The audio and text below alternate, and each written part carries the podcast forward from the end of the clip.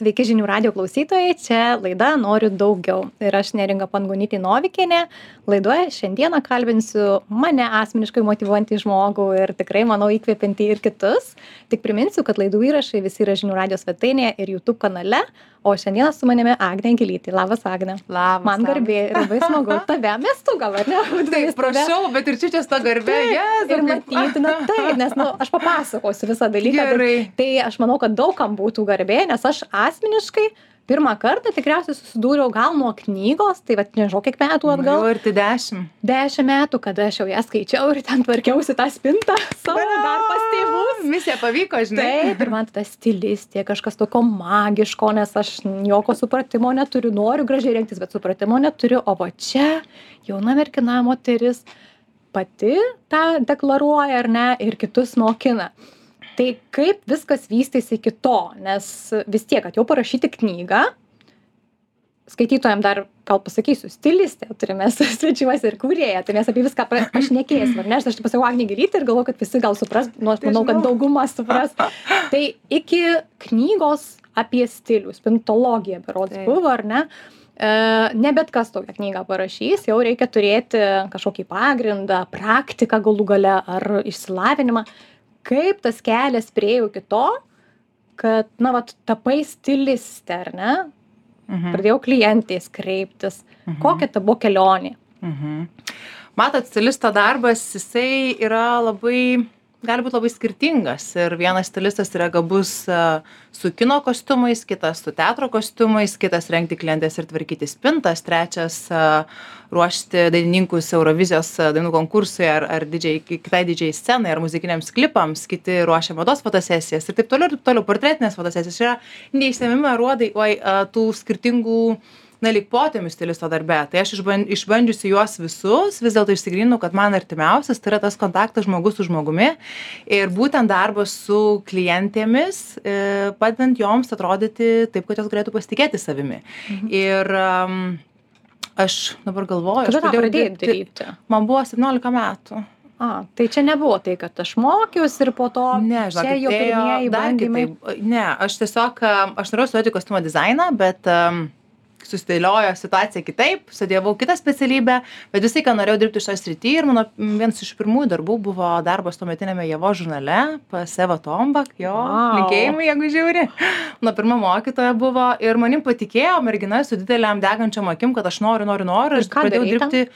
Mados stilistės asistentė, po to tapau jau mados redaktorė, buvau atsakinga už tą visą vizualinę žurnalo išraišką, turiu galvoje darydavau fotosesijas, portretinės fotosesijas, mados fotosesijas ir panašiai, tekstus rašydavau. Tai aš va čia sukaupiau savo didžiulę patirtį, po to išvažiavau studijuoti mados marketingo į Italiją, aš gyvenau 3 metus Italijoje Mhm. ir tada grįžau į Lietuvą 20, oi, noriu sakyti 20 kelių metų, bet sunku bus suskaičiuoti, tai mm, devintais metais, tai prieš kiek čia metų, nežinau, 15 tarkim, Taip. nežinau. Va, ir tada mes um, jau, kaip mes su kolega atidarėme įvaizdžio namus uh, ir tuomet aš pradėjau dar labiau dirbti stilistė su renginiais, su visokiom skirtingom sritim, bet supratau, kad man labiausiai, kaip ir minėjau, patinka tas vienas prie vieno kontaktas, plus aš labai mėgstu šnekėti apie tai, ką aš suprantu ir kas mane uždega, dėl to pradėjau vesti mokymus ir seminarus. Mhm. Gerai, dabar mes taip sukubom, dar aš biškiai atgal pagrįžtam. Grįžkit. E, taip noriu, jaučiu, darau ir kaip organiškai atrodo viskas ir sekasi ir, va, ir darbą gavau ir toliau pareigose kylu svarbesnės užduotys. Ar dar labiau atsukus, Agnė buvo ta puošnė mergaitė, kur visi sakydavo, va čia Ne. jau ta, nieko Ne. panašaus. Tai va Ne, iš kur tas žinokit. gimsta, kad būtent šitas ir tim nori domėtis, o ne, sakykime, kokia veterinarija ar ten fizika ir mhm. panašiai. Aš manau, kad aš visą laiką turėjau pajūtimą, tai, kas yra gražu, man be galo patinka praktiški dalykai. Aš ir dabar nesu mados stilistė arba nekuriu mados kaip po tokios. Aš kuriu labai praktiškus drabužius, labai vartojamus drabužius, labai lengvai derinamus drabužius. Kažkuria prasme tai yra ir spintologijos tasa, dėl to, kad moteris randa atsakymus, kaip joms atrodyti gerai su mažom, kaip čia, nu, mažom pastangų investicijom. Tai vadinama kapsulė, kur susidaroma Būtent iš mažai daiktų. ir miksuoji po to, ar ne? Taip, tai lygiai taip pat yra ir gero stilisto darbas. Nepripirkti jums pilnas spintas drabužių gražių. Taip vienam kartui arba ne vienam o parinkti tai kad iš mažai daiktų jūs žinotumėt kaip jums apsirengti taip kad atrodytumėte gerai ir jaustumėtės gerai. Tai grįžtant prie jūsų klausimo apie tai ar aš čia buvau maža madistė kur ten siūdavosi sau sukneles ir ten darydavosi šukuosenas ne. Bet aš buvau labai veikli labai organizuota labai aiškiai žinojau ko noriu. Man tokio dalyko kaip ne nėra. Man man viskas gyvenime yra labai aišku ir aš varau į savo tikslą. Tai aš manau kad kokią sritį bebūčiau pasirinkusi vat šita mano asmeninė savybė mane išnešė į priekį aš galbūt ir veterinarė būčiau tapus tokia pačia stipria kaip esu šiandieną ten kur esu ir šiandien su šita kalbinčiau pačia kaip, kaip veterinarė aš manau kad taip mano senelis beje buvo o, veterinaras Jo, jo. kažkaip pataikė. O kaip tie pirmieji klientai atsirado, sakykime, na ne tie, kur draugė aprengė ir patenkinta rekomendavo Tokių kažkam, bet tie, kur jau pinigus pradėjo mokėti. aš kad draugų jau- niekada nerengiau A, okay. bet kad aš jau galiu, vat, suvokimas, kad aš galiu už savo paslaugą imti pinigus ir man mokės. Ir mokės tiek, kiek Vat galvoju, kaip, kaip atsiranda tokie klientai, nes yra žmonės, kurie kaip jaučia, nori, daro ir jie bijo imti pinigus už savo darbą, ar nežino, kaip įkainoti savo darbą. ar ne? girdžiu. Mhm. Tas, vat, Aš dabar bandau chronologiškai atsiminti, kas buvo pirmiau, čia kaip iš tai ir kiaušinis. Ar pirma, nes kada aš visai, kad dirbdavau su va tą, nu, vieša stilisto darbo sritimi, ten visokie renginiai, mados žurnalai, fotosesijos, tai taip. Bet aš dabar galvoju, ar aš prieš knygos išleidimą, ar po jo, bet greičiausiai po jo pasipylė klientės, kurios sako, o aš skaičiau, supratau, bet o gal tu man gali padėti. Ir nu taip ir tada aš įs- įsivardinau. Pirminis buvo labai toks didelis dvejojimas. Aš galvoju kiek dabar mano valanda kainavo. Kažkeliasdešim litų dar tada turbūt. O gal jau eurų. Nebeatsimenu. Seniai buvo E, ir va, ir kadangi paklausa be galo greitai šovė į priekį, nes ėjo labai geros rekomendacijos, kad wow, kaip gerai padarė, tai mano ir kaina vos ne po mėnesių kilo, kilo, kilo, kilo, kilo.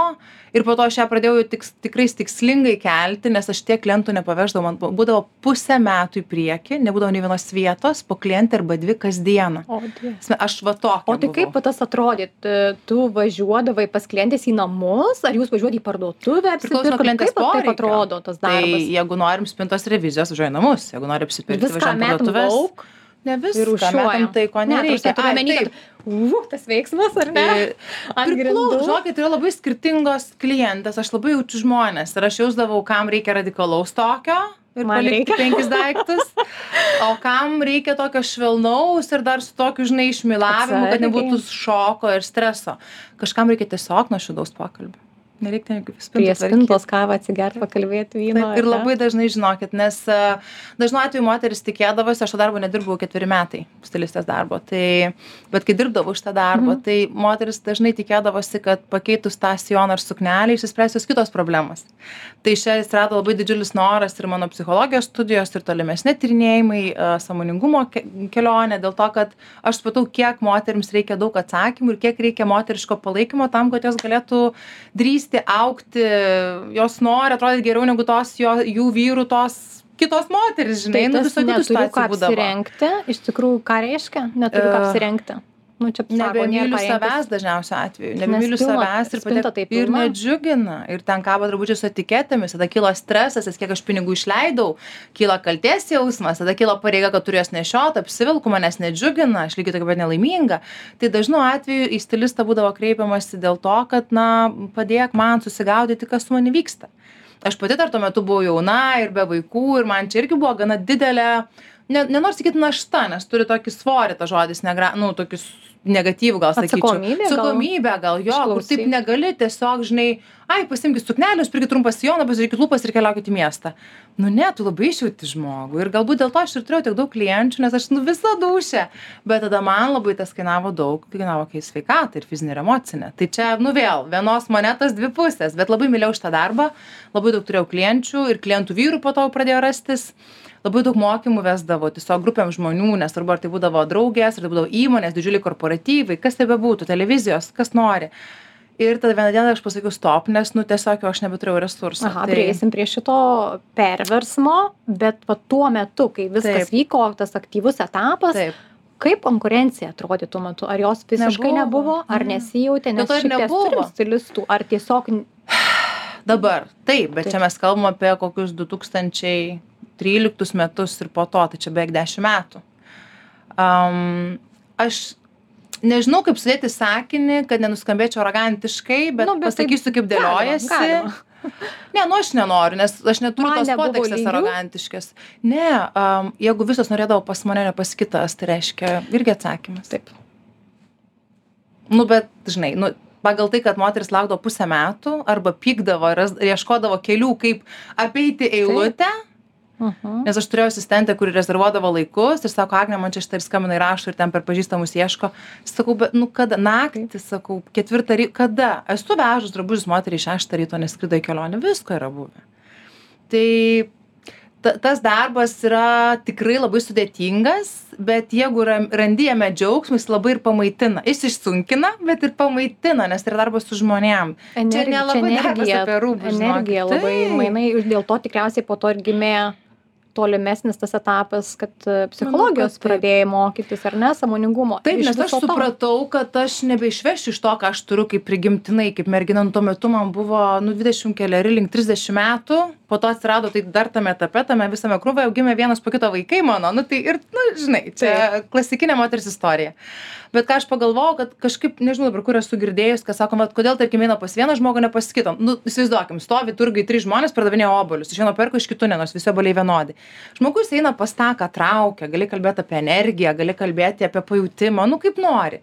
Bet pas mane žmonės eidavo. Ir, ir, ir dabar jų turėjo, dabar norėtų ateiti, bet tiesiog aš dabar esu kitoje veikloje, kuri man irgi labai džiugina, maitina, aš visiškai kaifuoju mhm. ir tą pačią misiją išpilu, tai yra rengti moteris ir paprastinti jų spintos turinį. Jau verslas. Tai dar aš. Drabužių e, kūrimas, Taip. e, Dar noriu pagrįžti į Italiją. Trys metai praleisti Italijoje. Ar nebuvo noro pasilikti ten, nes visgi ta mada, kūryba ten, na, ne veltui. Milanas, Milane buvo Ne, Florencijai. Florencija, bet, na, Milaną mes gal žinom tiesiog, bet. Italija visa tuo labai, na, stipri.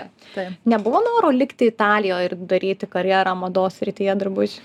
Aš buvau atvira visiems variantam, mm, bet um, dabar jeigu taip reiktų atsukti, aš tokio aiškaus argumento, kad vada, nu, aš grįšiu į Lietuvą ar kad aš negrįšiu į Lietuvą. Aš išvažiavau studijuoti, man, mano studijos truko metus, kol bus matyt, kaip bus. Man ten buvo gerai, bet nu aš tokia, man va tas komforto zona, kad yra gerai, man yra nepakanka, aš žinau kažko daugiau, daugiau, daugiau, daugiau. Ir grįžus atostogom į Lietuvą gimė kita visiškai idėja, verslo idėja, plus a, grįžo seni kontaktai labai greitai, aš buvau gal mėnesį grįžus, neatsimenu, vasarą buvo. Ir aš tokį nusprendžiau likti. Ir tada prasidėjo mm, visa virtinė dalykų, darbų. Ir matot, vat, jūs prisidar, klausėte, aš galvoju, ką aš pamiršau pasakyti, vad dar pagražinsiu ir čia labai susijęs su šitų mhm. klausimu. Mm, aš visą laiką buvau matoma.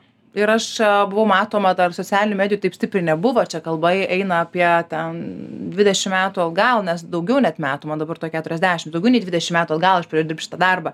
Jis buvo matomas, žinai, žurnalas, kas paruošė Agnė Gilytė, ten dar kažkas Agnė Gilytė, tas vardas sukosi ir jis gana įsimenamas ir trumpas vardas pavardė ar nederinys. Tai man nebuvo sunku kažkaip, na, kad klientės mane pamatytų arba atkreiptų dėmesį, nes tas vardas jau figuravo kažkur. Ir kai aš grįžau po pertraukos į Lietuvą, man nebuvo labai didelis ir sudėtingas grįžimas, kad sakytum, žinai, nuo nulio arba į vakumą grįžti. O, gilytė grįžo. Nu ir toks, gal tu čia gali tą, čia mes filmą filmuom, čia reklam. Ir aš ten, brr, per mėnesį aš jau viskas išsukta. Jo, ir taip sakėt, ar aš grįžau ir aš matot, kaip pasakyti, aš labiau gal prisirišu prie žmonių, bet ne prie vietų ir ne prie daiktų. Tai turbūt ir mano spinta dėl to nėra didelė, dėl to mano tai, ką aš kuriu, nėra kažkokie labai sudėtingi ir labai pertekliniai dalykai. Ir, ir turbūt dėl to ir va, tas prisirišimas ten, žinai, kad gyvenu Italijoje. Nu jo, bet aš nesakau, kad aš kiais metais Paryžiuje negyvensiu. Nu aš nežinau, Taip. taip. man faina taip gyventi, man tai patinka, man taip tinka. Mm. Ir aš klausau tavo podkastų irgi. A, kaip Uh. Magnetic Conversations. Yes. Ne? Kodėl angliškas pavadinimas? Nes lietuviškai kalbat.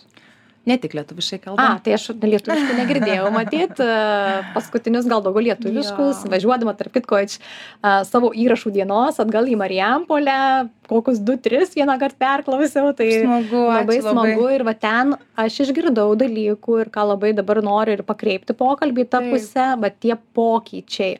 A, Pandemija darė didžiulę, ar ne, įtaką pokyčiams verslui, kad pradėjai jau, na, netiesiogiai su klientais dirbti, o kurti ir daryti verslą ir pardavinėti drabužius, būtent ta jau savo išgrininta filosofija kapsulė, ar ne? Ir taip gimė prekinis ženklas. Gal galiu papasakoti? Ne taip. Ok. Nu, okay. Tai vad man, aš noriu. Aš norėjau, kad jūs pabaigtumėt. Gerai. Aš klausysiu įdomu šitą Okay, versiją. tai čia mano va, tas toksai. Bet labai ką, jūs tai buvo. viskas čia gerai, Tai aš tai vat noriu išgirsti, vat, kas lėmė tuos sprendimus, pokyčius ir vat kaip iš tikrųjų tada buvo. Jo, jo, jo. Bet labai mažai, labai įdomu, nu, matyti, kaip kiti Taip. girdi. Tai čia nuostabu. Išgirdi, Ačiū išgirsti gabaliuką, užsifiksavo ir taip, taip. viskas. Viskas čia labai teisingai. Um, tai iš tikrųjų kapsuliai šiemet buvo penkeri metai Liepa, o pandemija buvo pandemija prieš tris metus. Jo. Mhm.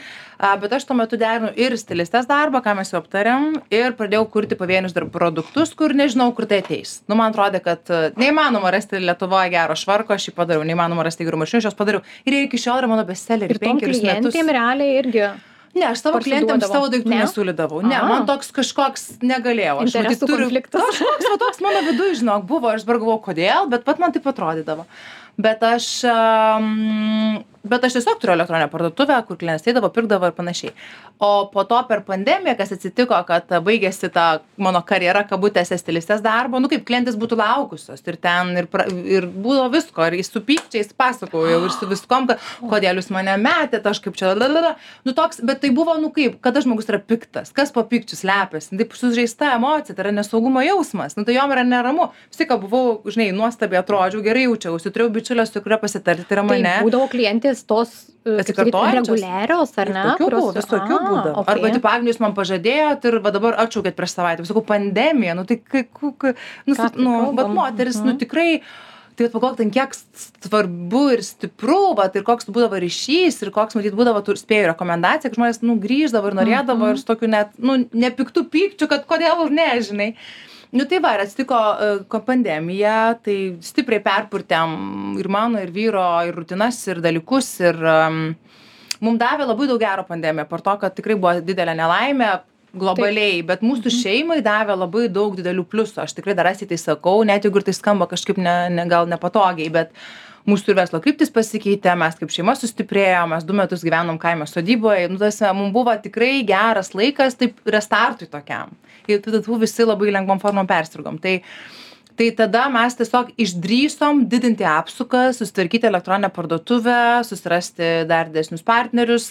Mes labai daug namų darbų darėm. Ir tuo metu, kai kiti turbūt, nežinau, ilsėjosi, mes labai daug dirbam per pandemiją. Tyliai, tyliai, tyliai. Ir kai jinai atsidarė, mes Tas mes, ką reiškia, Aš ir mano vyras. Jūs kartu šitame versle dabar. Dabar taip, Taip, mhm. pradėjau aš viena, o dabar mano vyras tą visą hard dalį daro, kur man įdomi.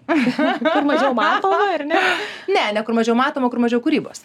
A, okay. Ta, kur yra skaičiukai, lentelės. Bet kur labai svarbu.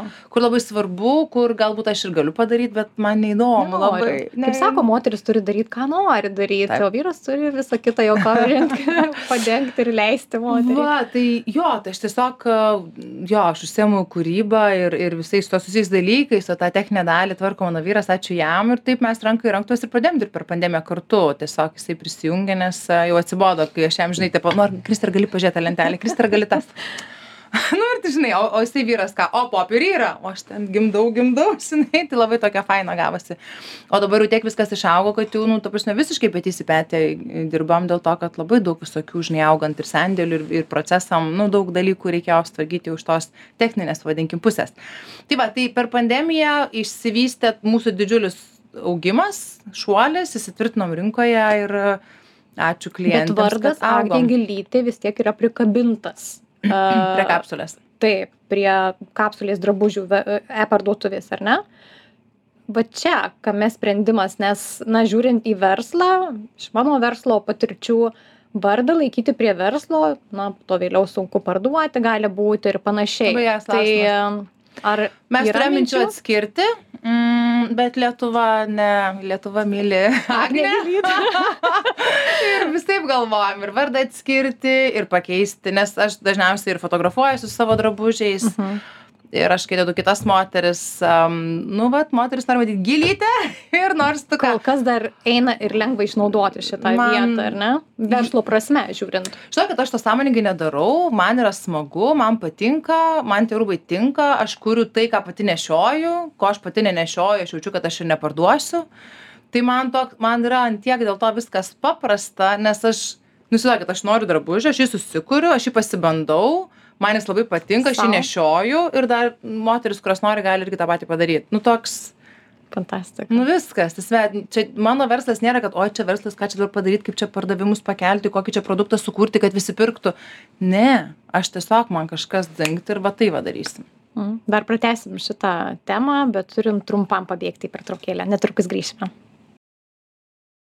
E, grįžtame atgal į studiją, čia laida Noriu daugiau ir su Agne Gilytė, e, stilistė, drabužių linijos kūrėja, verslininkė, kalbamės apie jos kelionę e, mados stilistės kelyje ir dabar kuriant drabužius. Kaip atrodo verslininko drabužių kūrėjo kasdienybė. Nes tu ir stilistė buvai rengei ir kuri dabar sakei patis drabužius. Ar tu pati moki siūti ir siuvi ar viską nes aš kaip suprantu yra kas tą padaro ar ne? Tavo yra kūryba idėja išgyvenimas detalės aš atsimenu klausau tavo pokalbių kad ten sagutė milimetrais ir jeigu matė gerai tai perfekcionizmas aukščiausio lygio. Vat kaip atrodo tavo darbo kasdienybė kuriant naują kolekciją sakykim? Mhm tai iš tikrųjų mano nė viena diena nėra vienoda negu kad vakar arba kad rytoj. Mm, aš žinau kas bus rytoj bet aš žinau kad e, nebus niekada vienodos dienos. Aš tą darau specialiai bet turbūt šitoj srity kitaip ir negalėtų būt. Aš turiu didžiulę alergiją atsikartojimui rutinai nu man yra kažkas baisaus. Prie to paties stalo tą pačią valandą tuo pačiu metu pietauti su tais pačiais žmonėm sėdėti. Negaliu. Bet uh, mano vyras vis juokauja sako nu tai gerai kad bent vyras žinai tas pats. Nu toks šeimos jumoras iš tikrųjų aš esu pati labai dinamiška man patinka pokyčiai ir aš dėl to ir mano ta diena nu vat šiandien vienokia vakar radikaliai kitokia rytoj dar kitokia. Ir jo jos būna labai visokios. Tai jos būna kartais kad aš visą dieną sėdžiu prie kompo ir išgeriu žinai tris kavas ir nepakylu tol kol neatsakau visus laiškus bet būna dienų kai žinai mes ten šėlstam nu sakau šėlstam bet iš tikrųjų dirbam su kolegėm kuriam naują kolekciją diskutuojam derinam spalvas ten modelius sagučių aukščius kaip sakėt ir panašiai. Nu visokių dienų būna dienų va pavyzdžiui rytoj aš turiu visą dieną filmuosim kalėdas nors dabar yra lapkritis ar ne? Aišku nežinau kada laida išeis bet tai va tai tai vėlgi vėl bus kitokia diena. Aš penktadienį turiu ten ryte labai daug susitikimų ir ten po to išvažiuoju į kitą lietuvos galą ten su darbo reikalais. Tai kiekviena diena yra kitokia. Tai o ta ar aš moku siūti? Aš turbūt esu nemanau kad aš esu vienintelė pasaulyje tokia bet aš drabužius kuriu kitaip negu kuria tie kurie yra diplomuoti dizaineriai nes aš neturiu dizainerės išsilavinimo kaipo tokio. Aš kuriu drabužius pajutimo aš labai gerai jaučiu žmogaus kūną labai gerai matau proporciją ir labai gerai jaučiu spalvas. Ir kai aš matau žmogų aš iškart galiu pasakyt vat ką jum reiktų padaryt ką jum reiktų nepadaryt. ne ne ne ne apie tai aš kaip pavyzdį sakau eikit neringa. Labiau apie tai kad žiūrėk arba eina moteris galvoja kokia graži moteris bet va pasitrumpina truputį kelias iškart geriau būtų. Vat aš tą va turiu tokį matymą aš priimu. jo, jo, ir tada iš to gimsta drabužiai. Ir man yra labai lengva nes yra ta mano prigimtinė savybė. Ir aš aš nepiešiu eskizų aš siūti nemoku aš konstruoti lekalų nemoku. vat nu bet aš turiu savo būdus žinokit ir aš pa- perteikiu ir jos padaro. parodo man, taip, taip. nu man atrodo kad kažkurios niuansus verslą galima būtų palikti ir Taip. e, po šydu. Taip. Bet iš tikrųjų jo pavyksta iškomunikuoti ir ir pasidaryti dalykus. Aišku yra labai daug bandymų ir tarpinių stotelių kad mes procese keičiam tvarkom būna produktus kaip aš sakau viskas sakau viską šitą jau nužudom sakau iš naujo. O yra kad žinai tobulinam tobulinam tobulinam ir ten ir keičiam ir tvarkom ir iš to gimsta nes aš juos dar mėgstu ir panešioti ir prasiskalbti ir man turi nespausti ir neveržti nes aš esu už praktinę madą. Ir e, man gražu ta aukštoji mada jo kaip menas kaip meno rūšis kaip muzika kaip nu bet kas. O čia yra praktinė mada kad būtų moteriai paprasta nes jinai ir taip turi kalnus tų temų savo gyvenime. Dar čia supranti medituot prie tos spintos kiekvieną rytą. Kam?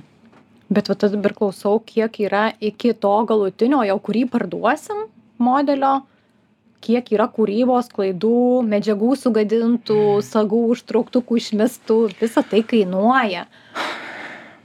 Tu skaičiuoji va tą iki kad aš sugadinsiu aš tai neskaičiuoju bet yra kas skaičiuoja. atsakymą kad nieko nieko neskaičiuoji aš tai neskaičiuoju bet e, aš manau kad tai yra labai svarbi investicija nes aš parduoti bet ko ir ant jo dėti savo vardo aš negaliu tai versle tai yra kaip procesas Tai yra dal- yra dalis ir kainodaros dalis savaime kur mes sugadinam bet dėl to jūs gaunat tą rezultatą vienareikšmiškai taip. kuriuo jau jūs Galim patenkinti ir grįšit dar penkių tokių pačių. Taip bet e, dar yra dar du dalykai. Pirmas tai nu mes darom viską labai į priekį. Aš pavyzdžiui dabar baigiu kurti dvidešim penktų metų žiemos kolekciją. Ką taip? Dvidešim penktų nu tai mes kitų. dabar dvidešim trečių nu gerai lapkritis nu tai dvim trečių dvim ketvirtų dabar žiema tai aš dabar darau dvim ketvirtų dvim A, penktų. tai ne pavasario bet po metų žiema su gamyboj tuoj bus lentynose. Po kalėdų. Okei. jo jo jo. Tai nu taip veikia mados kalendorius ne tik pasauly bet ir lietuvoj mes einam koja kojon su europa. A, jo, nes turime partnerius didžiulius, kurie kurie irgi na pulsuoja tuo žinai pasauliniu tempu ir mes einam kartu su visais pasauliniais brendais tuo pačiu metu pristatom kolekcijas. Bet ką norėjau pasakyti o apie tai ką jūs sakot va ten daug audinių ir sagučių taip susinaudoja bet mes jų neišmetam. Ta prasme mes visiškai maksimaliai tvariai sunaudojam iki minimumo tai ką panaudojam tai mes turime daug sempl seilų mano visos nežinau bičiulės draugės kolegės yra apdovanotos ten žinai nu tai nebūna rūbai žinai ten su viena trumpesne kleše negu kita čia ne apie tai. Aš nekalbu apie klaidas aš kalbu apie tai kad tarkim nu vat žinai suknelė gera bet vat rankovės nu, Kitaip noriu, ne? Kitaip. Nu, bet ta suknelė šiaip yra ok. Taip. Nu, tai tada jinai galbūt randa kitą spintą. Mes išmesti, taip, kad nurašyti šiukšlės, mes to nedarom. Mes, aš visą laiką, suku, gal mane tokia, žinai, sweet spot yra, kad, tipo, vat rasti, nu, vat kur tą daiktą dar panaudoti. Ir jie randa namus vienokius ar kitokius. Labai džiugu tą girdėti. Iki nulio sunaudojau. Iki nulio, iki, iki tvarumo, Jo. iki... Nu, man labai svarbu, man toks net principo reikalas. Mhm. Mhm. O kas pačiai vat, smagiausia, sakykime, dabar jau kiek metų kapsulė jau... penki buvo via- Ir vasarą. kiekvienas sezonas yra rudenį kuriu kitą kolekciją, tai kad sukūriau jau ir viskas, bet aš vis, visada yra, kuriama. yra mūsų vadinamoji ta, mm, kaip čia, nuolatinė kapsulė, kurioje yra baziniai drabužiai, kurie penkeri metai nesikeičia, ten marškiniai, švarkai, kelnes, palaidinės. Ir yra nuolat pagal sezoną vis, pasi, vis pasipildanti pasi- kapsulė pagal to sezono, nežinau, orus, pagal tai, kaip man atrodo, kad galėtų būti sukurti švarkai, palaidinės ir panašiai. Tai va tie galioja, kaip aš sakau, galioja. Nu, egzistuoja sezono 2 ir po to išsiparduodami ir, ir baigėsi. Išsiparduodant, tai turiu galvoje, kad parduodami iki nulio, nes mes nuolaidų nedarom, sezoninių išpardavimų nedarom, nes mūsų prekės nėra sezoninės. Mhm. Tu tą patį drabužį gali bet kada kitaip pristaikyti. Va šitie marškiniai ar žiemą, ar vasarą, ar į pležą, ar prie odi- odinių kelnių, ar prie... Būtent, ar į sodą, kaip ten tas posakis, ne? Tai, tai jo, tai va tas irgi toksai, kad tas, nu, drabužio cikliškumas, jis nėra pririštas prie sezono. Ir jo labiau, kad žmonės dabar keliauja, tai ir žiemą lininių drabužių reikia, jeigu tu keliauji atostogauti ten, kur šilta. O pirkėjai Lietuvoje pagrindiniai, ir ne? Yra Pagrindiniai taip. Mhm. Kaip atsiranda pirkėjai, kaip, sakykime, nuo ekspertės, specialistės, va stilistės ar ne šokų į verslą ir kur žaidimo taisyklės yra visai kitos. Ne tai, kad rekomendavo draugė ir stojo į sąrašą pusę metų, bet čia tiesiog e-shopas, kuris turi atsidurti po akim. Na, aišku, tai tikriausiai jau buvo jau tam tikri kanalai ir per tavernę, ir kur jau pareklamavau ir prašom, pirkit. Bet vat, kaip tie pirkėjai atsiranda, kaip jie išlieka, ar labai sunku išlaikyti tą patį pirkėją, grįžti ir kokios pamokos čia, atradimai gal nustebimai. Mhm. Aš kai sukūriau pirmus produktus, aš jau turėjau gana didelę bendruomenę. Dabar jie vadinami followeriais, bet aš labiau jas mėgstu vadinti bendruomenę, nes tai yra žmonės, nesuklysiu pasakydama, kad tai yra moteris, nu didžioji dalis ten, tikrai labai labai didelė dalis ten, 90, ten, nežinau, 9 turbūt procentų, gal 8 yra moteris, tai ir jos yra labai įsitraukusios, ir jos dalyvauja, ir jos reaguoja, jos viena kitai patarė ir padeda, tai yra nu tokia dovana, bet aišku, tai yra ilgo darbo ir nuseklaus ir tokio lojalumo joms rezultatas, nes aš niekada joms nemelavau, aš niekada jų neapgavau ir visai, kad nuoširdžiai dariau tai, ką moku daryti. Tai mano klientas atėjo pačios, nėra, kad aš nei, jas kažkaip stumiau. pačios traukiau. klientės, kurios anksčiau naudodavosi Ai, paslaugą, dabar žinokit, nežinau, elektroninė parduotuvė, nu kaip matosi, bet, nu ten Per daug užtruktų jo pas, pa, ištirti, bet e, labiau kalbu apie tai, kad e, kaip yra įdomu, šitas verslas yra toksai, kad klientė, kai ateina, jinai jau tampa nuolatinė klientė. Pas mus labai nedidelis procentas yra vienkartinių klientų. Pas mus yra taip, kad jeigu Tai jau pradeda, jau ne grįžta. Daug kas gali tuo pasidžiaugti. Aš labai to didžiuojuosi ir džiaugiuosi iš Taip. tikrųjų dėl to, kad tą patį sako ir mūsų prekybos partneriai, nu, konkrečios fizinės parduotuvės, mes turim savo internetinę parduotuvę. Uh, tai tą patį sako pardavėjos. Sako, pas jūs grįžti, sako, kur čia gilytės rūbai, žinai, pirmą kartą, o po to, sako, aš jau matau, sako, ta pati moteris grįžta ir grįžta ir grįžta, vis tiek atsimeni veidą, galbūt vardo nežinai. Aš labai to džiaugiuosi ir labai mm, tikrai ir manau, kad čia yra ir kuo didžiuotis, nes tai įrodo, kad tai, ką aš kuriu ir tai, ką aš deklaruoju, yra tiesa kad nereikia, man nereikia stumti produkto dėl to, kad jis yra geras. Jisai, nu, tiesiog taip Išjaustas. pasimatuoja ir supranti, kad viskas yra ok ir kad švarkas po keturių metų jis kaip naujas. Gal ir noris naujo, nu, žinai, tiesiog Taip, emociškai. taip, taip, taip. Bet jam viskas yra ok. Tai galima palikti porai metų Tokį ir po to vėl pasiimti. Mes labai mažai jau turim laiko, bet aš labai dar noriu paliesti tą samoningumo temą. Taip. Nes mada atrodo, nu, paviršius, ar ne, bet, bet tai ir tu paskui, kad psichologinės problemos spintose dažniausiai. Kaip ta vieta, vat, nu, sakykime, augo šalia viso šito, nes tada atsirado ir podkastas, ir psichologija, ir kaip ir tokia nauja formuojasi veikla, maža kas čia verslas ar ne, tai aš galėčiau jau užsimti kažkokį... Ne, tai Visiškai šalia toksai kaip hobis, nemaža tiesiog, tiesiog- savęs papildymas, ar Nu, kas čia tai yra mano visiškai širdies veikla, kadangi man tos temos yra įdomios, kadangi manęs, nu taip, matyt, taip susiklosto, kad klausia žmonės patarimo, klausia kažkokių tai išvalgų gyve, gyvenimo temose. Tai iš to gimė ta idėja, kad aš noriu padaryti pokalbius. Dėl to, kad aš žinau, kad aš galiu kalbėti, aš nebijau kalbėti nei prieš kameras, nei prieš mikrofonus, nei kur nors. Ir gali dar. prakalbinti.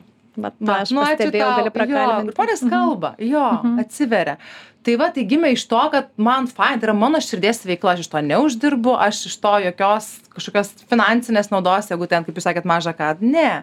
Čia yra grinai širdies veikla, mano hobis, mano savirealizacija, greta tos kitos kūrybos. Ir jos persidengia dėl to, kad tos pačios klientės ir klauso ir, ir aš manau, kad tai netgi ir siejasi su pačiu mano, nu, to kuriamų brandų ir su jo vertybėm. Papildo, dėl to, kad aš kuriu tvarius drabužius, kuriu drabužius papra, paprastinančius gyvenimą. Nu, ir tie pokalbiai irgi kažkuria prasme paprastina gyvenimą, nes tu randi atsakymus, jeigu jų nerandi, tu bent klausimus išsikeli. Norėčiau dar labai ilgai kalbėtis, nes daugiau negu pusė klausimų liko neužduotų. Nu, va, teks pakartoti. Bet laikas, taip, kažkada galbūt tikrai norėčiau. Ir paskutinis tada klausimas užbaigimui, tiksliau palinkėjimas auditorijai, ar ne? Klausantiems, kuriems patraukli galbūt šitas rytis, mados, kūrybos Mhm. pasaulį ir kokie pirmieji žingsniai turėtų būti, jeigu noriu aš sukurti savo švarkelių liniją. Hmm. Nuo ko man pradėti? Neįsivaizduoju. Nes mano kelias buvo nu, kaip tu nuo nulio pradėtum dabar, nuo nulio pradėtum. Mm. Agnė 18 metų ir jinai sugalvoja, Aš kur turbūt eičiau to pačiu keliu. Aš nepradėčiau nuo produkto, aš pradėčiau nuo savęs vienokio ar kitokio pozicionavimo ir savęs kaip žmogaus, kuris gali kurti kokybišką paslaugą arba prekę, nes turbūt gali būti ir gėlių komponavimas, ir bandelių kepimas, ir, nežinau, dainavimas, ar šokimas, ar pamokos kažkokios. Tai aš manau, kad pirmiausia, tu turi suprasti, nu, kur yra tavo vertybinė sistema ir apie ką tu esi. Ir tada per tai eiti ir pritraukti žmonės, o tada jiems pasiūlyti produktą. Čia buvo mano formulė. Aš to nedariau sąmoningai, pasikloti tą pirmiausia. Taip, ne? nes aš 20 metų dirbau stiliste. Labai didelis skaičiai, bet gali būti. Gal 15. O po to Atsirado. atsirado, produktas. Taip. Kaip pradėti kurti produktą ir pasisiuvus švarkų laukti klientų, aš nežinau, aš to nebandžiau. Na, klausytojai, teks atsakymo ieškoti kitur. Tai ačiū tau labai, Agne, kad Ačiū, atvykai. Neringa. Ir tikrai labai smagu ir mano svajonė išsipildė. Aš tikiuosi, kad ir klausytojams buvo džiugu išgirsti ir įdomu, ir naudinga. Tai įrašas pokalbio liks žinių radijos svetainėje, YouTube kanale. O aš neringa Pangonytė Novikinė ir laida noriu daugiau. Vėl susitiksime kitą savaitgalį. Iki.